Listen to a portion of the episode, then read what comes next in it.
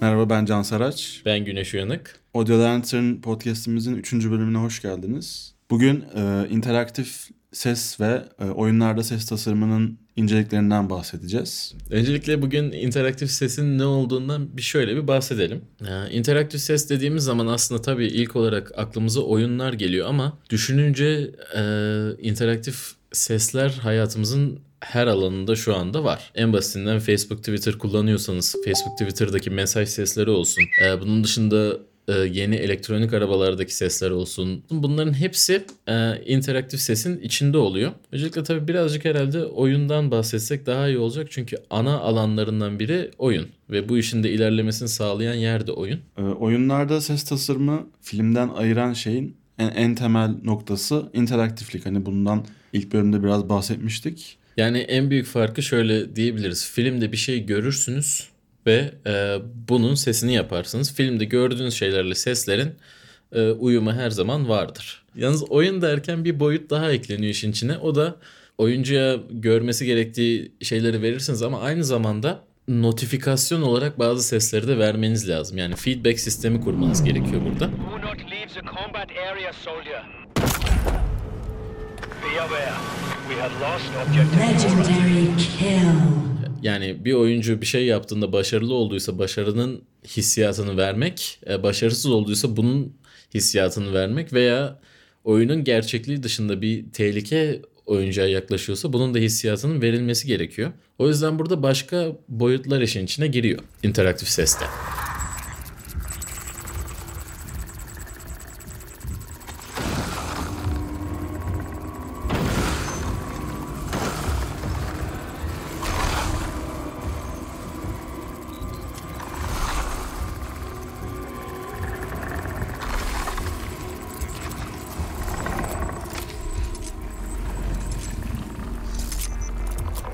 Yani mesela hani birçoğumuzun oynadığı bir oyun olduğu için oradan gireceğim. Age of Empires oyununda şey, e, bir ünitenize birisi saldırdığı zaman o deret sesi her zaman gelecektir. Ha sürekli gelmeye başlayınca oyunun er, er, sonlarına doğru yani sürekli o sesi duymak birazcık rahatsız edici olabiliyor ama e, bu size bir yere dikkat etmeniz gerektiğini gösteren bir notifikasyon. Oyunun gerçekliği içinde olan bir ses değil ama oyuncuyu daha başarılı olması, olmaya iten seslerden biri. Evet. Feedback sistemi olarak bundan bahsediyoruz birazcık da. Benim de aklıma şey geliyor. Mesela bu kasinolardaki e, slot makinalarında veya diğer diğer çeşitli oyunlarda e, bir para kazan, ka, kazanıldığı zaman e, bu sesler ve müziklerle insana verdiği o, verdiği o haz ve başarı hissiyatı sesin ve müziğin ne kadar önemli bir pay sahibi olduğunu hatırlatıyor bize. Ki aslında kasinolarda farklı olan bir şey de var. Kasinodaki seslerde genelde o kaybetme sesi yoktur. Yani çok fazla kaybetmeye önem verilmez. Hatta sanki yokmuş gibi davranılır onlar. Evet. Daha çok kazanmaya önem verirler ki bunu aslında günümüzde birçok modern mobil oyunda kullanılıyor bu prensibi.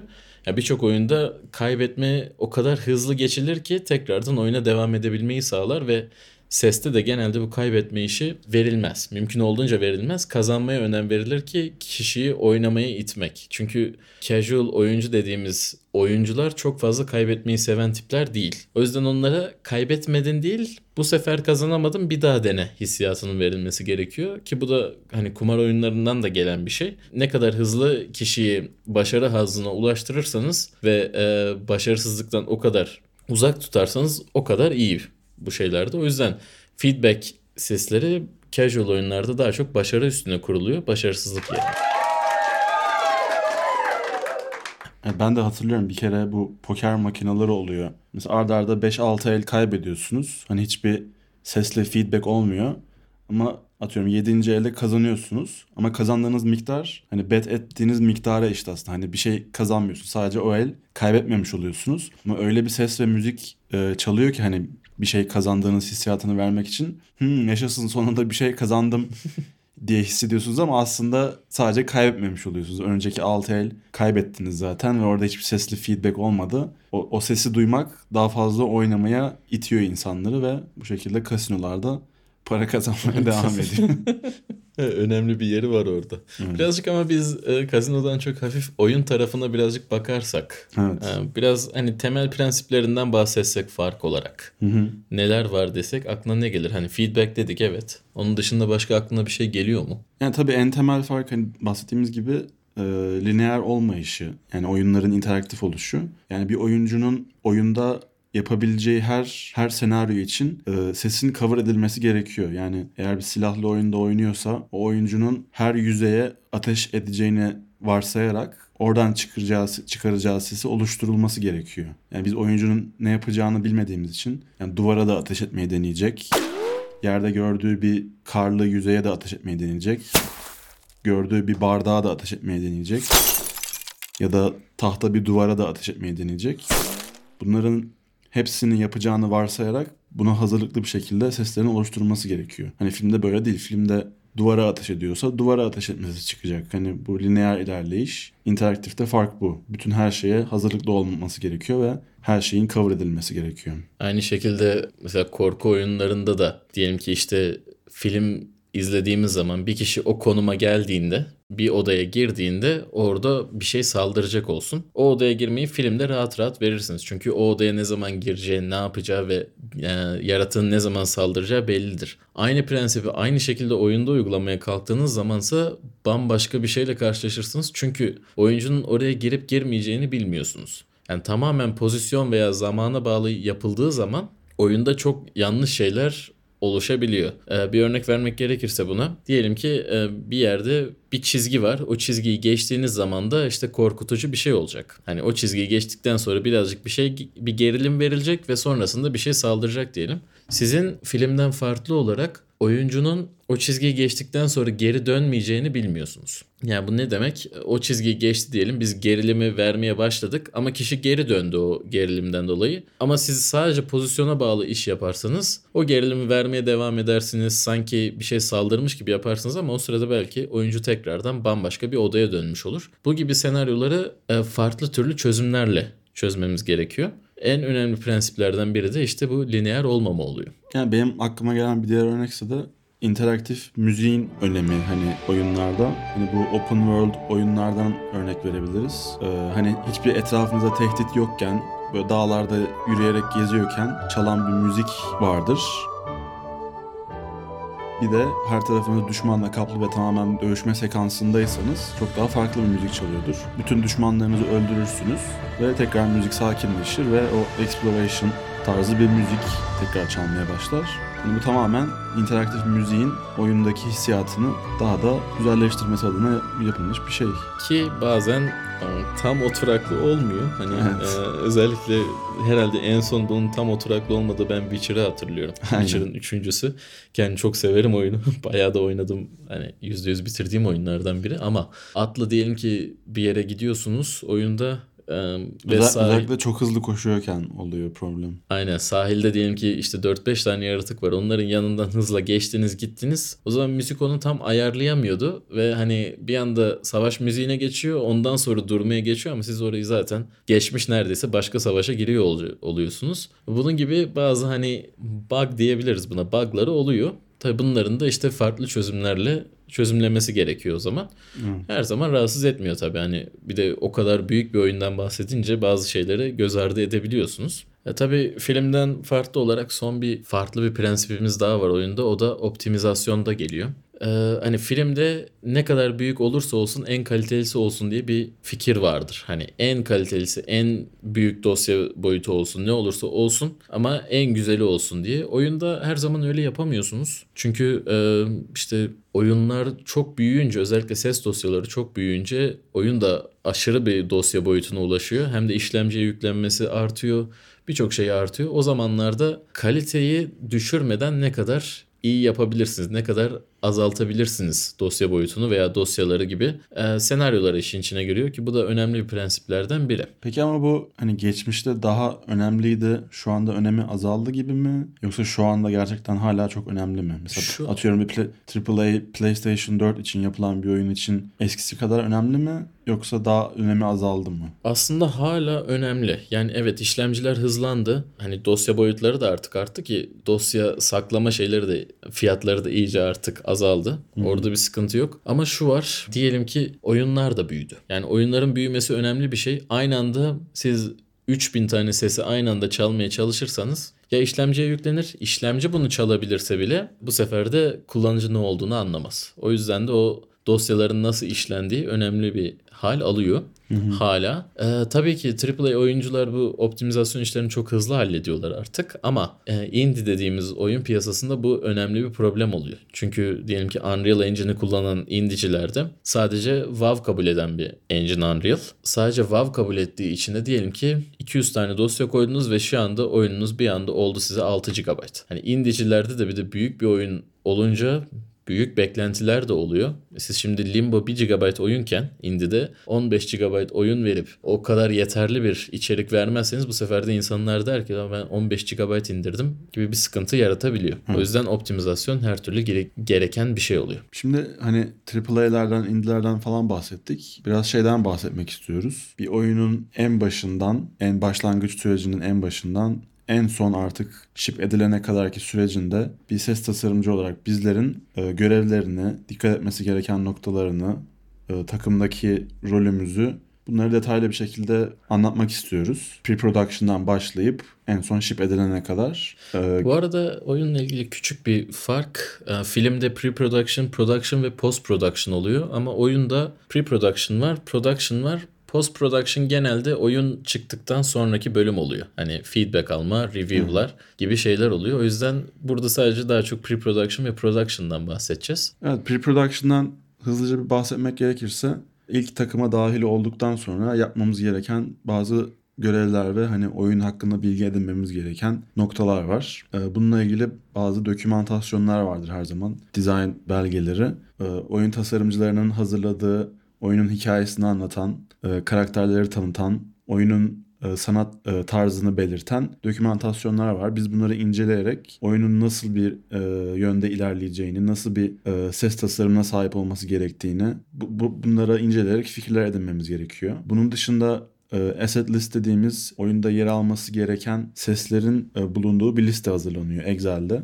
Bunlar oyunda en küçükten en önemliye kadar A'dan çıkabilecek bütün seslerin yer aldığı bir liste. Tabi bundan daha detaylı da bahsedeceğiz. Bunu çünkü fiyatlandırmamız konusunda da hani alacağımız ücretin belirlenmesi konusunda da çok önemli bir yere sahip. Hani yapacağımız işin büyüklüğü ne kadar kompleks bir seviyede olacağını anlamamız açısından bunu e, oyun tasarımcılarıyla birlikte hazırlıyoruz ve e, bunun üzerinden ilerleyerek seslerimizi tasarlıyoruz. Bunun dışında az önce bahsettiğimiz bir de optimizasyon konusuyla ilgili yapmamız gereken bir pazarlık oluyor. Hani sesin e, ne kadar RAM harcayacağını, ne kadar yer kaplayacağını, ses dosyalarının ne kadar boyutta olması gerektiğini, ne, neyi aşmaması gerektiğiyle ilgili oyun tasarımcılarıyla bunun görüşmesini yapıp ortak bir çatı altında buluşmamız gerekiyor. Orada en büyük şey işlemci paz işlemci ve RAM pazarlığı oluyor daha çok. Evet. Çünkü e, hani animasyoncu istiyor oradan ben particle'cı işte ben bana da şu kadar vermeniz lazım, şu lazım falan. Zaten seste biraz daha sona kalan bölüm oluyor orada particle sistemlerinin falan yanında. O yüzden ama hani o pazarlıklar bayağı sert geçebiliyor açıkçası bazı durumlarda. Ama tabii ki eğlenceli bir şey. Bu bir de pre-production'da aynı zamanda dokümanlar yapılır. Ee, bu dokümanlar ama Blue Sky dediğimiz bir prensipte yapılır. Blue Sky'da hani olabilecek en iyisi nedir? Her şey doğru gitse, her şey güzel gitse ne çıkarılabilir diye yapılır. Ona göre önce bir ayarlanır. Daha sonra hani prodüksiyon bölümünde ha şuna bütçe yok, burayı çıkaralım, buna bütçe yok, şurayı çıkaralım gibi daha sonra ayarlamalar yapılacaktır. Ama pre-production'da her şey en iyisi ne olursa ne yapabiliriz diye bakılır. Ee, Aynı zamanda Burada hani sistemler de belirlendiği için design dokümanı dedik. Design dokümanında evet hani karakterler ve hikayeyi de veriyoruz ama aynı zamanda e, feature list dediğimiz bir şey oluyor. O da e, oyunda neler olacak? Hani işte big data kullanarak şunu alacağız ya da işte e, yapay zeka şunu yapacak gibi e, feature liste belirleniyor. O feature liste şunu demek oluyor. ses içinde bir prototip hazırlaması gerekebiliyor. Diyelim ki granüler sentez sistemi kullanılacaksa oyunda. Hmm, özel bir teknik bir terim verdim ki daha şey olsun. Bunun bir yapılabilirliğini görmek için küçük de olsa bir prototipi yapılması gerekiyor. Ki daha sonradan bu dokümana eklensin. Evet bu oyunda bunu da yapacağız densin. Ama pre-production'da daha çok bunlar veriliyor. Bundan sonrası prodüksiyon bölümü. Prodüksiyonda tabii ki yapmamız gereken şey sesi tasarlamak. Öncelikle ses tasarlıyoruz. Ama e, ne yazık ki iş o kadar kolay değil. Sadece ses tasarladık bitti olmuyor. Çünkü oyun dediğiniz şey yaşayan ve sürekli gelişen bir şey. O yüzden de açıkçası sürekli İşinizin yarısı ses tasarlamaksa yarısı da diğer departmanları gezip kim ne yapıyormuş ona bakmak oluyor. Çünkü her zaman bir haftalık bir meeting dediğimiz hani bir buluşma oluyor ve orada herkes ne yaptığını gösteriyor. Oyun birleştiğinde neler yapıldığı görünüyor. Ama orada bir anda bir bakıyorsunuz ki sizin asset listenizde olmayan bir yeni bir animasyon yapılmış. Siz de bu ne diyorsunuz? Diyorlar ki ha geçen bizim animatör yaptı güzel olmuş değil mi diyorlar. Siz de evet güzel olmuş da yani biz bunu keşke bileydik diyorsunuz. Çünkü o sırada o belirlenmiş bir zamanı onu yetiştirmeniz gerekiyor. Bu zamanda bu sefer de zamanınız yetmeyebiliyor. O yüzden genellikle biz her zaman animatörlerle gidip aa nasıl gidiyor falan hani ne yapıyorsunuz diye bir sürekli bir gezme gerekiyor. Programcılara bakıp yeni bir sistem eklenmiş mi? Yapılıyor. Bunun dışında zaten programcılarla ekstra bir iç içeliğiniz oluyor. Çünkü sesi siz yaptığınızda koda siz ekleyeceksiniz. Kodun neresine ekleyeceğiniz. Kodu siz yapmıyorsanız kodcuya nasıl bir şekilde çağrılması gerektiğini anlatmanız gerekiyor ve nereden nasıl ulaşacağını anlatmanız gerekiyor.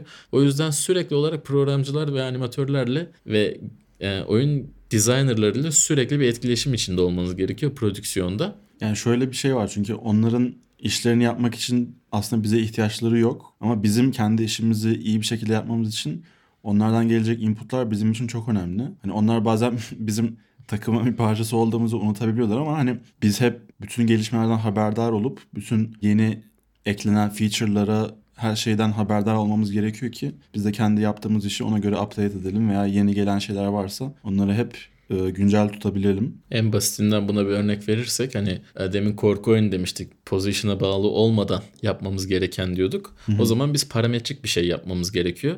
Parametrik de şu demek. Diyelim ki oyunda oyun tasarımcılarıyla ve programcılarla konuştuk. Onlar bize diyor ki tamam neye ihtiyacınız var? Bize diyoruz ki burada bize korku parametresi şeklinde bir şey vermeniz gerekiyor. Yani kişinin yani oyuncunun oyuncunun değil de e, oyundaki karakterin o sırada hissettiği korku veya gerilimi bize vermesi gerekiyor ki biz de o gerilim parametresini alıp sese diyoruz ki sen buna göre kendini ayarla. Bunu demek için ama bir korku sisteminin yapılması gerekiyor. Korku sisteminin yapılabilmesi için de bizim bunu programcılarla konuşmamız gerekiyor. Programcıların bu sistemi kurması gerekiyor. Bizim de buna göre o sisteme cevap verecek bir ses sistemi kurmamız gerekiyor. Evet. Bu nedenle sürekli olarak e, birbiriyle etkileşim içinde olan bir takım yap, çağrılması gerekiyor ki düzgün bir iş ilerleyebilsin ve düzgün bir sistem ortaya çıkabilsin. Yani takımın içinde olup gerçekten e, hani kap- odanıza kapanıp ses tasarlamak gibi değil de gerçekten o takımın bir parçası olup birlikte her e, adımda birlikte ilerlemek en doğru yöntem aslında ses tasarımcı olarak bir oyun takımında çalışırken. Biraz şeyden bahsedebiliriz. Ses tasarlarken yani oyundaki seslerin tasarımını yaparken hani bir oyunla filmin sesini tasarlamak aslında çok farklı farklı nuanslar var. Oyunlarda çok kullanılan bir yöntem var. Looping yani başı sonunu bağlayan ama bu hissiyatı anlayamadığınız hani başlıyor bitiyor tekrar başlıyor ama aradaki geçişi anlayamıyorsunuz. Buna looping ses denir. Bunlar oyunda çok büyük önem taşıyor. Çünkü karakter bir ortamda bulunuyorken bir arka plan sesleri duyuyor. Atıyorum bir rüzgar sesi duyuyorsam yani o ses öyle bir kendini tekrar etmeli ki eğer oyuncu 10 saat boyunca orada sadece rüzgar sesini dinlemek istiyorsa bunu seamless bir şekilde dinleyebilmeli. Hani ses bitip tekrar başa aldığında o e, aradaki geçişi hissetmemeli. Sanki gerçekten 10 saat boyunca orada duruyor ve 10 saat boyunca yeni bir rüzgar sesi dinliyormuş hissiyatını yaşayabilmeli. Ki sadece bu rüzgar için de değil. Evet hani arka plan sesi sadece bir örnek.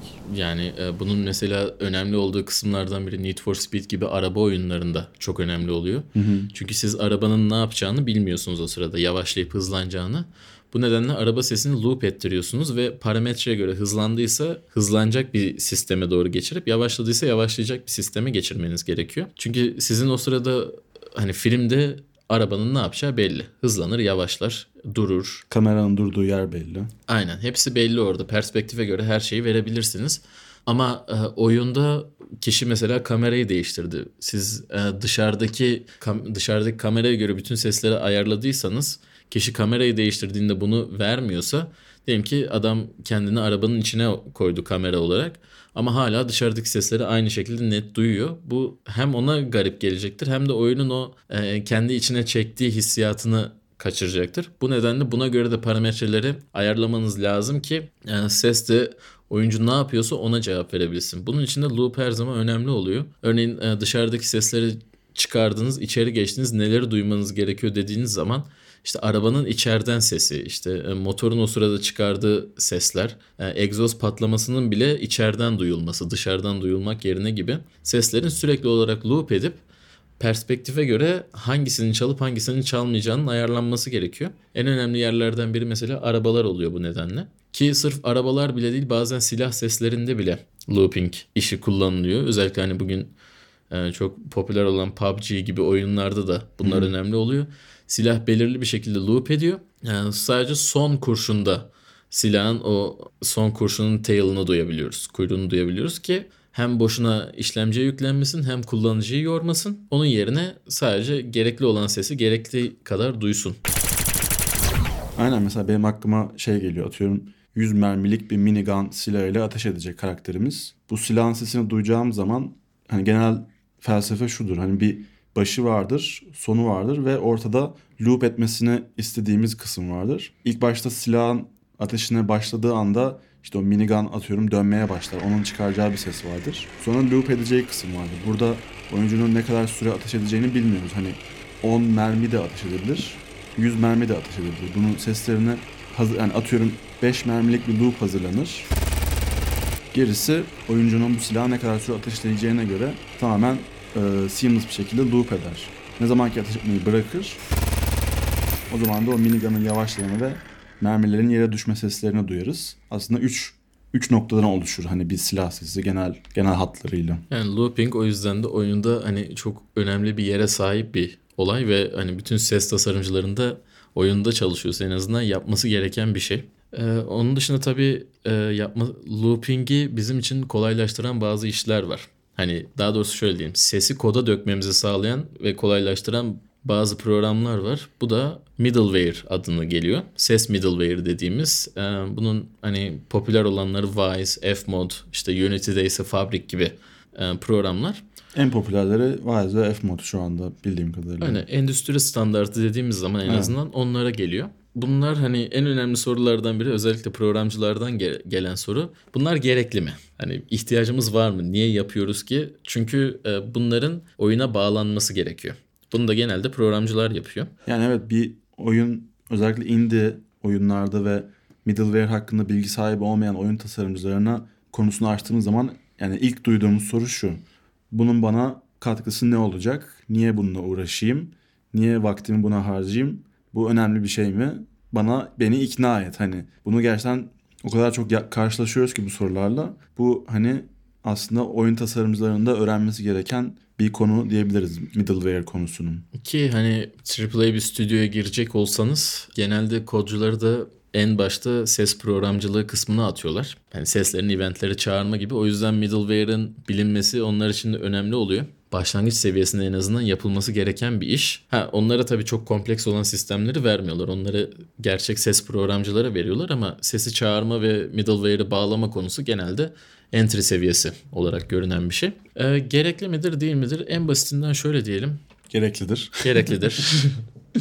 Ee, ama burada tabii bir bir nüans var. Ee, oyununuzun ne kadar kompleks olduğuyla alakalı. Evet kesinlikle. Yani oyun diyelim ki işte demin dedik yani kumar oyunları dedik. Sadece işte kart aldım, kart verdim ve işte oyunu kazanınca da bir tane alkış sesi vereceksem middleware'ın çok bir önemi var mı orada?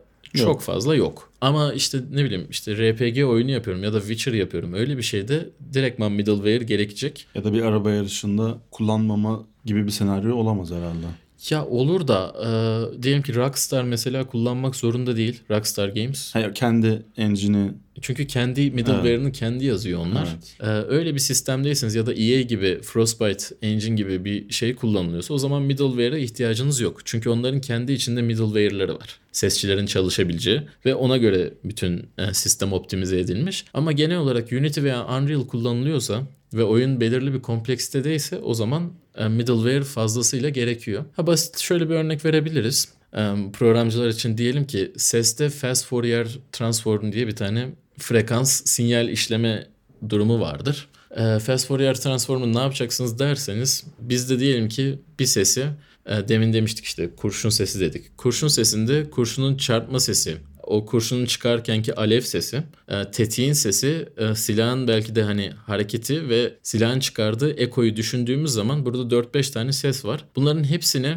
bize belirli bir seviyeye geçmeyecek şekilde bunları karıştırarak vermesi gerekiyor. Biz bunu middleware'de blend container denilen bir container sayesinde direktman içine ayarlıyoruz. O kendi içinde e, sesin belirli bir seviyeye çıkmamasını sağlıyor veya işte kendi için randomizasyonunu sağlıyor. Bunu kodcu eğer koda dökmek istiyorsa ben bunu kodla halledeceğim diyorsa yapabilir. Bizim için sorun değil. Biz sadece sesleri veririz, geçeriz. Ama middleware'ın getirdiği şey onunla uğraşmak yerine o sadece bize kurşunun sesinin çalma eventini çağırıyor ve olay orada bitiyor. İlk başta bunun bir araya getirilmesi zor gibi gözükse de ki aslında zor değil çünkü Unity ve Unreal'daysa özellikle bu işi çok kolaylaştırdılar ikisinde de. Paketler e, ve support vererek bu işi hani bayağı bir kolaylaştırdı hem Unity hem Unreal. Daha bir efor sarf etmek gerekse de bu, projenin geneline bakıldığı zaman aslında işi çok daha kolaylaştırıyor. Be, hani bedava olan bölümleri var, bedava olmayan bölümleri var ki e, oyunun yapıldığı bütçeyi de düşünüldüğü zaman bedava olmayanı bile gerektiği yerler oluyor. Hatta işlerinizi çok daha fazla kolaylaştırıyor. Yani fiyatsal olarak da aslında makul sayılabilecek ücretleri var. Ee, Wise 500 asete kadar ücretsiz kullanılabiliyor, kullanabiliyorsunuz. Eğer 500'ü geçerseniz 900 dolarlık bir ücreti var. F-Mod biraz daha uygun. Eğer oyununuzun bütçesi 500 bin doların altındaysa ücretsiz, 500 bin doların üzerindeyse 5000 dolarlık bir ücreti var. Türk firmalar için biraz pahalı gelebilir ama hani global olarak düşündüğümüz zaman uygun fiyatlar. Şöyle ki aslında hani Türk firmalarına pahalı gelmesinin sebebi şu. Bizde hani 500 bin doların üstü bütçe çok fazla oyun yok. Hatta var mı hiç? Yani Mount and Blade sayılabilir. Sanırım onlar o seviyeye çıkıyor. Ama yani e, öyle bir oyun zaten bizde çok yapılmıyor. evet. O yüzden de Keşke düşündüğüm daha zaman- çok olsa. Keşke ama şu anda en azından yok. Yani buna aslında Türk oyunlarının da atlam direkt atlaması iyi bir şey değil. Daha önce hani gördük Yani bazı stüdyolar AAA seviyesinde oyun çıkarmaya çalıştılar. Ee, beklenenin altında kaldı ki o stüdyolar da sonradan batma noktasına gelip kapanma durumuna bile geldiler. Hani e, kolay bir şey değil. Çok fazla insanın e, aynı anda hani bir ha- harmoni içinde çalışmasını gerektiriyor. Ee, bütçelerin de çok yüksek olması gerekiyor. E, hele ki şu anki hani diğer kişilerle yarışacağını düşünürsek. O yüzden hani daha fazla Türkiye'de mobil ve indie daha odaklı oluyor. Ki burada aslında çok fazla iyi iş yapan şirketler var. Hani işte biliyoruz hani Peak Games mesela daha sonradan satın alındı. Normalde hani AAA bir oyun şirketi değildi ama ciddi bir gelirle satın alınmasını sağladı. Ee, o yüzden hani bizde daha çok mobil ve indie oyuna daha fazla ilgi var ve yapımı da hani daha rahat olduğu için biraz da. Kazancı da her zaman kötü değil. İyi olan kazançları da var ama AAA tabii farklı bir kültür. Onun da e, o kültüre göre yapılması gerekiyor ki Microsoft'un Destiny'siyle veya işte EA'in FIFA'sıyla e, yarışmanız gereken bir yer orası. Ki burada bütçelerin hani çok çok yüksek olduğu bütçelerden bahsediyoruz. Destiny mesela işte kaçtı yanlış hatırlamıyorsam e, 70 milyon dolar sadece development bütçesi var. Ki e, işin içine marketing koyduğumuz zaman da 500 milyon dolarlara çıkan bir bütçeyle karşılaşıyoruz. Ee, o bütçeyi geri alıyorlar mı o parayı? Evet alıyorlar ama o paranın da önceden koyulması gerekiyor ki o da korkutucu bir şey. Yani biraz middleware'e geri, geri dönersek. e, Ben mesela- birazcık Türk oyun piyasasıyla ilgili birazcık girdim ama sese dönecek olursak. Evet sen de haklısın. Benim mesela aklıma hep şey geliyor hani çok basit bir örnek olduğu için mesela ayak sesleri neredeyse her yani her oyun demeyeyim de hani çoğu oyunda karşılaştığımız bir ses ayak sesleri. Hani middleware'de bunu bu sistemi oluşturmak o kadar işleri kolaylaştırıyor ki. Yani çünkü ayak sesi denince e, birkaç tane parametre var. Karakterin giydiği ayakkabı, e, değdiği yüzey ve e, yürüyüş hızı. Bu üç parametre aralarında e, çeşitli ne denir? Çeşitli, Varyasyonlarla. Çeşitli varyasyonlarla birbiriyle ilişkiye giriyor. Hani atıyorum e, koşarak metal bir yüzeyde e, hareket ediyor ya da çıplak ayakla kumda yavaş yürüyor falan. Hani biz bunların seslerini tasarlıyoruz ve bunlara audio middleware'de sistemini hazırlıyoruz ve bunu programcılar çağırıyor ve o kadar kolay bir şekilde çalışıyor ki bu sistem gerçekten inanılmaz bir kolaylık oluşturuyor ve hem tasarlaması daha tasarlama işimizi daha kolaylaştırıyor hem de bunu gerçekçi bir şekilde animasyonla birleştirerek oyuncuya güzel bir tecrübe yaşatmamıza daha da olanak sağlıyor. Evet hani ihtiyacımız olmayan yerler demiştik hani sadece oyun o kadar kompleks bir ses sistemine sahip değilse sadece gerekmiyor. Onun dışında genel olarak bir ses tasarımcıyla çalışıyorsanız işlerinizi fazlasıyla kolaylaştırıyor. Demin footstep dediğimizde programcıların genelde çağırması gereken tek şey play footstep bir de surface'ın de- surface değiştiyse change surface şeklinde bir parametre değişimi oluyor. Bu iki satırda çözülebiliyor. Öbür türlü bütün o surface değişimlerinde hangi sesin çağrılacağı gibi sistemler e, programcı tarafından yapılması gerekiyor. Ki hem programcının onunla yorulmasına gerek yok hem de e, sesçinin istediği şekilde yapılması için kontrolün mümkün olduğunca sessiz olması herkes için daha iyi oluyor. Bir de mesela hızlıca şeyden bahsedelim. Benim aklıma o geliyor. Bu Amerikan tarzı oyunlarla Japon tarzı oyunlardaki varyasyon farklarını mesela Amerika'da yapılan işte AAA tarzı oyunlarda bir ayak sesi atıyorum. Hani ayak sesinden bahsettiğimiz için ne kadar çok varyasyonu olursa o kadar iyi gibi bir algı var. Hani metalde koşmaktan bahsettik. 10 tane varyasyon oluyor. Bunları biz bir e, konteynerin içine koyuyoruz. Her attığı adımda o 10 tanenin içinden pitch'ini ve EQ'sunu oynayarak ya da ses seviyesini oynayarak 10 tanenin içinden birini seçiyor ve neredeyse her duyduğumuz ayak sesi birbirinden minik minik de olsa farklılıklar olmuş oluyor ve çok varyasyonlu bir ayak sesleri duymuş oluyoruz. Ama mesela bu e, en son Legend of Zelda bu e, Breath of the Wild oyununda dikkat etmiştik. Yani ayak seslerinin varyasyonları gerçekten az. Mesela orada oradaki düşünce yapısı daha çok şöyle. Az varyasyon yapalım ama her biri o kadar güzel olsun ki hem oyunu oynayan kişi o ayak sesini benimsesin hem de onu her duyduğunda tanısın. Heh ben böyle bir yüzeyde yürüyorum. Yani orada varyasyondan çok sesin kalitesine önem veriyorlar. Öyle farklı bir yaklaşım var açıkçası.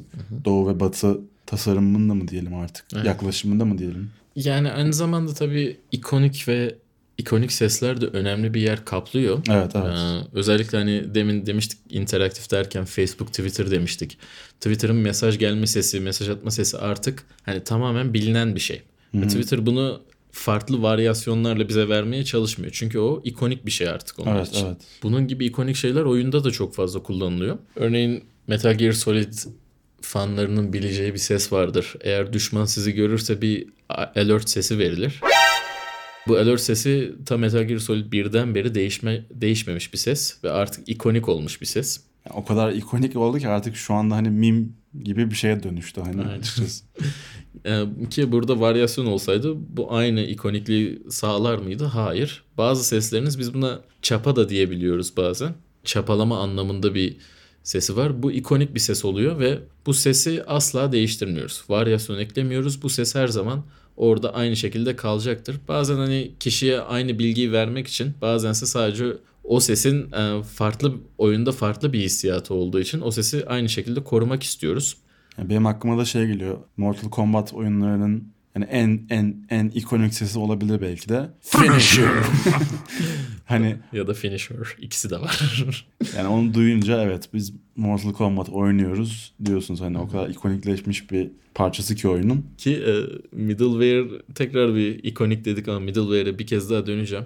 En büyük avantajlarından biri de oyunu mixlerken. Middleware'ın çok büyük bir avantajı oluyor. Evet. E, çünkü demin de optimizasyon demiştik. Optimizasyon, mix ve lokalizasyon dediğimiz yani diyalogları farklı dillere çevirme konusunda middleware'ler büyük bir avantaj sağlıyor size. Sadece dili değiştirmeniz ve o dilde şu ses bankasını kullan demeniz yeterli.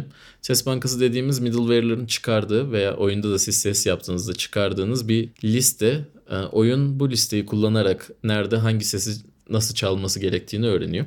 E, miksaja geldiğimiz zaman da middleware'da şunları yapabiliyorsunuz. Diyelim ki o sırada 60 tane ses çalıyor.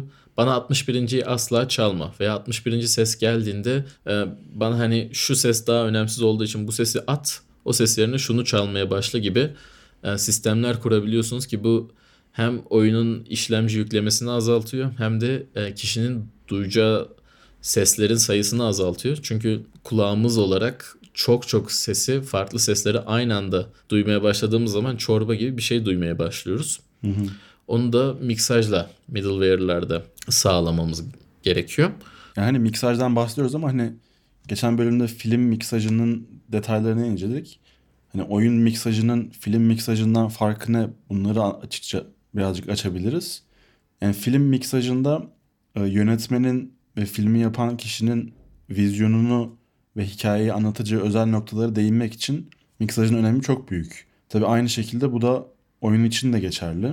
Mesela benim aklıma en gelen en hızlı gelen örnek e, bu Overwatch oyununu hani her ne kadar ben çok oynamamış olsam da gerçekten ses tasarımcı insanlar hep mixinin ne kadar inanılmaz olduğunu ve belki de mixi en iyi ol- olan oyunlardan biri olabilir olduğunu söylerler hani Evet. yapılmış. Ben oyunu hiç oynamadım şahsen ama hani bu kadar övgü aldıktan sonra e, videolarını izlemek istedim.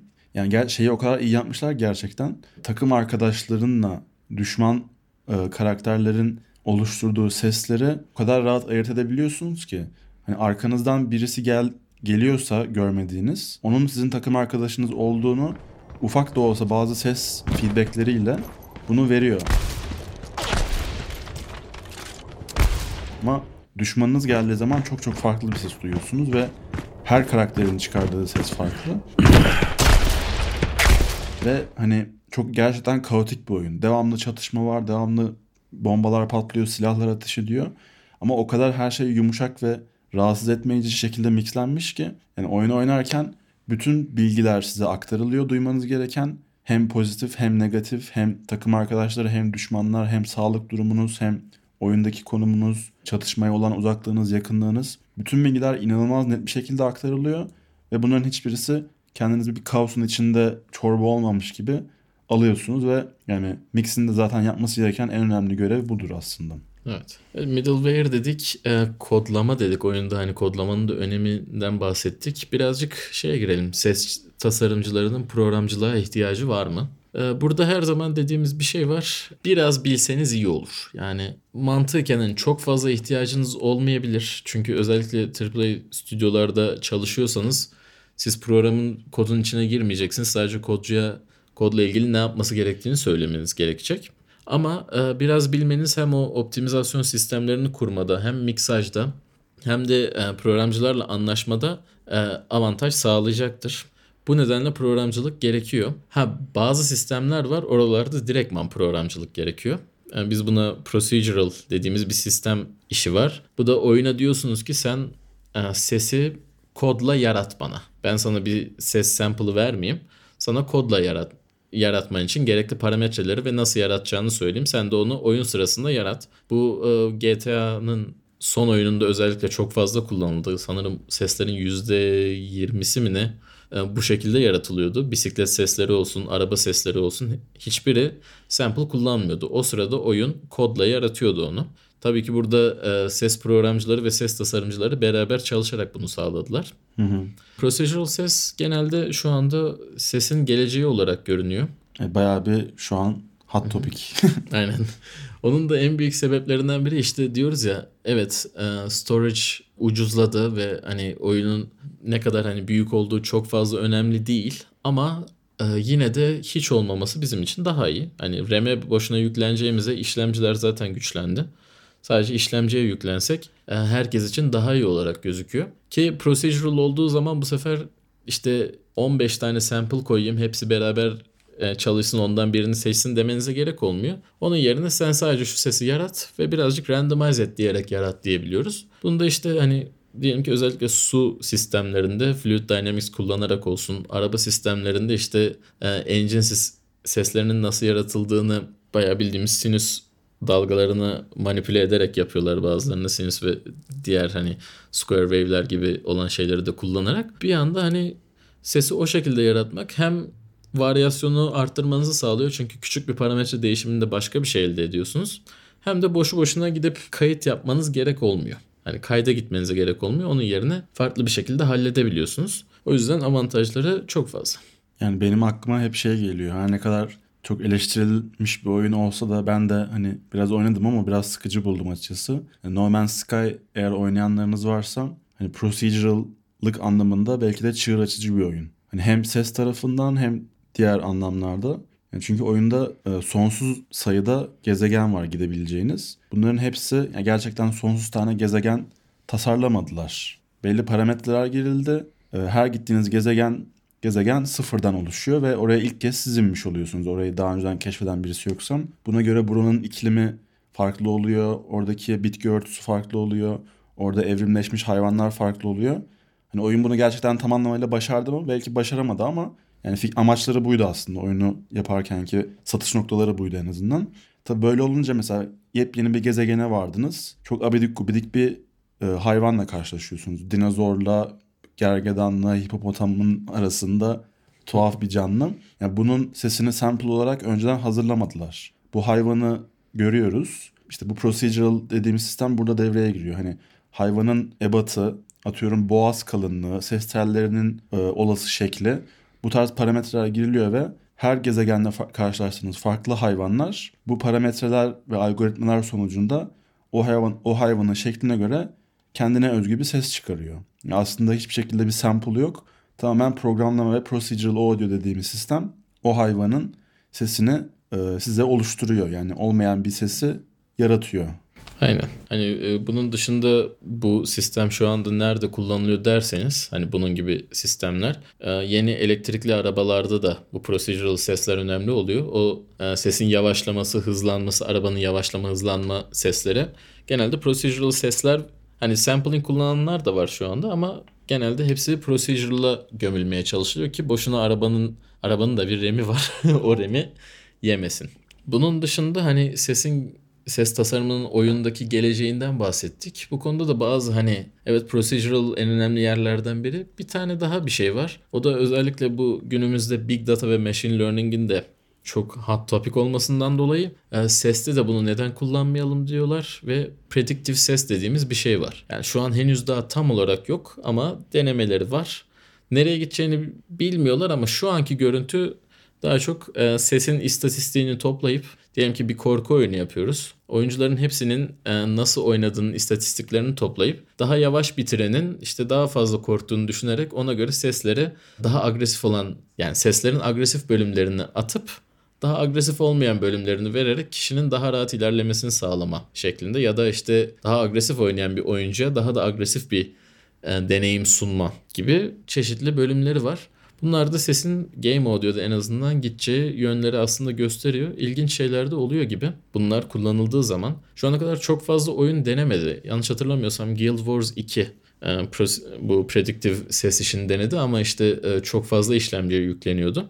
O yüzden daha bir optimizasyon ve e, perspektif değiştirme işi gerekebilecek gibi ama fazlasıyla şu anda ilgi çekici bir konu. Özellikle Big Data ile sesi birleştirme olarak.